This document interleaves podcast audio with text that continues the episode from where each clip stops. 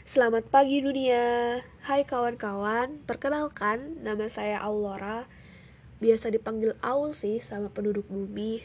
Gimana nih kabar kawan-kawan di akhir tahun yang penuh dengan ketidakpastian ini? Saya berharap semoga kita semua selalu diberikan kesehatan dan kekuatan ya Untuk terus melangkah maju. Amin. Biarkan saat ini dunia saja yang sedang tidak baik-baik saja. Kita jangan ya di Senin pagi yang sedikit tertutup awan kelabu ini, saya ingin kawan-kawan mendengarkan saya bercerita perihal betapa beruntungnya saya karena disayangi oleh seseorang yang begitu tulus dan baik. Dulu sebelum dia hadir di dalam kehidupan saya, hari-hari saya hanya sekadar perihal buku dan harapan-harapan masa depan saya. Dan saya menganggap itu cukup normal saya berpikiran tidak terlalu membutuhkan seseorang untuk bucin atau berbicara perihal perasaan karena kawan-kawan saya menjadikan saya sebagai tempat curhat mereka dan itu sudah lebih jadi cukup untuk saya merasakan bagaimana perasaan yang dirasakan oleh kawan-kawan saya. Pertama kali dia hadir di dalam kehidupan saya pun, hati saya berusaha untuk menolak kehadirannya dan berkeyakinan bahwa segala kata-kata manis yang dia suguhkan kepada saya itu sekadar kebohongan dan tidak lebih dari perasaan ingin memiliki dan penasaran sesaat yang ditujukan untuk membuat seorang gadis terpikat. Tapi yang namanya laki-laki ya, penasaran dicampur perasaan ya jadinya perjuangan buat mereka. Saya merasakan dia begitu gigih mengejar saya. Ini entah sebenarnya saya yang terlalu kepedean atau dia yang benar-benar tidak ingin melepaskan saya. Ya, entah. Nanti akan saya tanyakan kepada dia jika bertemu. Kedekatan kami seolah sudah direncanakan oleh semesta. Dan itu mengalir begitu saja tanpa kami setting tanpa kami rencanakan akan seperti apa ke depannya. Dia yang semakin sering berkirim pesan kepada saya diiringi dengan saya yang membagikan kisah hidup satu sama lain. Dan dia juga tak kalah ketika menceritakan kehidupannya sebelum bertemu saya.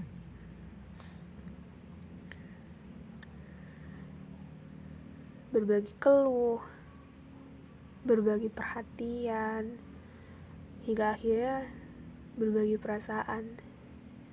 Lucu ya, dua orang manusia yang awalnya gak pernah kenal dan jujur, kami belum pernah bertemu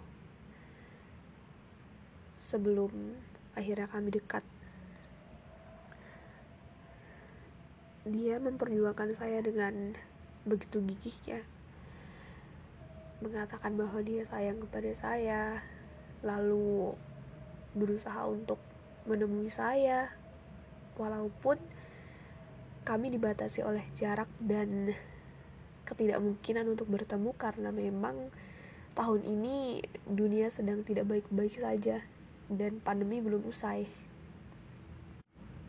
Seperti yang saya bilang sebelumnya, sebenarnya saya kurang percaya kepada laki-laki ini bukan karena saya sering disakiti loh ya.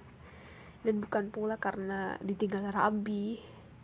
Tapi karena hati-hati saya memang benar-benar tidak pernah diisi oleh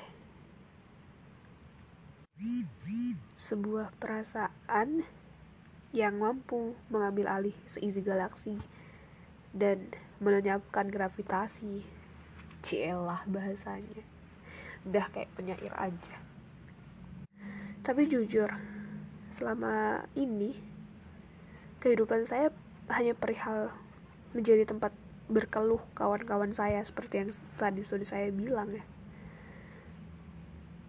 Terlalu sering mendengarkan masalah mereka ketika pertama kali jadian hingga akhirnya memutuskan untuk udahan itu membiasakan diri saya paham gitu gimana laki-laki bersikap kepada perempuan. Dan saya nggak percaya sama mereka sama makhluk bumi yang disebut laki-laki. Awalnya begitu.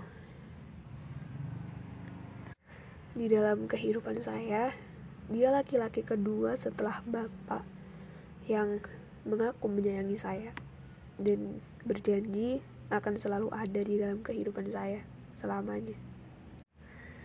Dan menurut saya, seorang laki-laki itu dinilai bukan dari kata-katanya, bukan pula dari segala harta bendanya. Ya, meskipun tidak bisa dibungkiri bahwa kehidupan memerlukan modal untuk bertahan. Tapi menurut saya, laki-laki itu dinilai dari perjuangan dan tindakannya. Jangan mau menikah dengan laki-laki yang pandai berpuisi dan tanpa aksi. Jangan pula mau menikah dengan seseorang yang selalu berlebihan dalam pekerjaannya, namun tanpa sedikit pun dia tidak pandai merangkai kata. Menurut saya, menikahlah dengan seseorang yang menyeimbangkan kedua-duanya.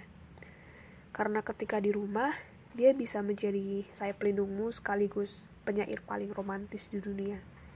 Tapi jika di luar, dia bisa jadi pekerja keras yang selalu merindukan rumah untuk pulang. Di mana rumah itu ada kamu. Semakin ke sini, hubungan kami semakin mengalir.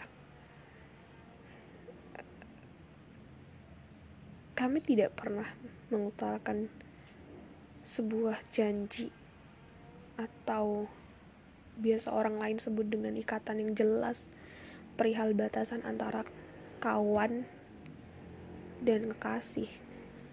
Kami hanya menjalani ini dengan sepenuh hati, berjanji satu sama lain untuk tidak pergi, untuk tidak saling meninggalkan, untuk selalu ada, menguatkan, melindungi, menjaga perasaan satu sama lain. Hubungan yang seperti ini, yang tanpa status yang jelas, membuat kami akhirnya dilanda perasaan takut satu sama lain. Takut kehilangan, takut tiba-tiba dia dijodohin sama orang tuanya terus ninggalin saya, dan dia pun berkata demikian. Dia takut saya tiba-tiba direbut oleh orang lain karena seperti bayangkan ketika kita kecil dan kita melihat pohon jambu yang diisi dengan begitu banyak buah lantas kita menunjuk salah satu buahnya dan mengklaim bahwa itu milik kita bisa saja buah itu diambil oleh orang lain dan berkata bahwa dia tidak tahu itu milik kita. Bisa saja kan itu terjadi. Tapi kembali lagi, segala ketakutan akan kehilangan sesuatu membuat kita menjadi lebih was-was dan selalu tidak tenang. Padahal kita tahu apa pun yang sudah semesta takdirkan kepada kita tidak akan mungkin dibiarkan meninggalkan kita. Dan menurut pemikiran kami, untuk lebih jauh dari sekadar sahabat ataupun kurang dari sekadar dua orang yang memiliki perasaan satu sama lain itu sangat berbahaya.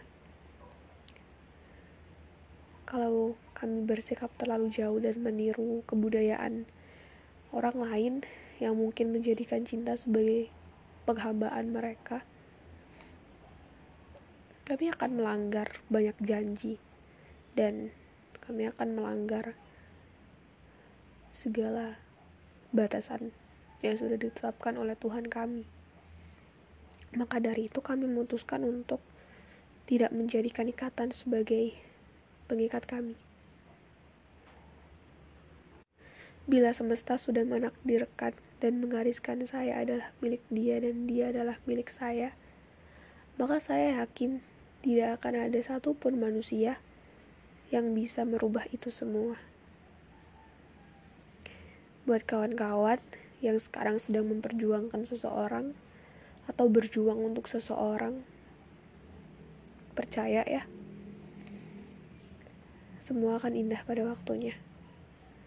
Dan tolong jangan pernah langgar batasan yang sudah dibuat oleh Tuhan. Karena yang akan kecewa bukan hanya Tuhan, tapi orang tua dan penyesalan akan selalu menghantuimu. Jadi, jaga ya kesucian cintanya. Terima kasih sudah mendengarkan cerita saya. Saya bersyukur dicintai oleh dia. Dan semoga perasaan sayang dan cintanya itu abadi. Terima kasih.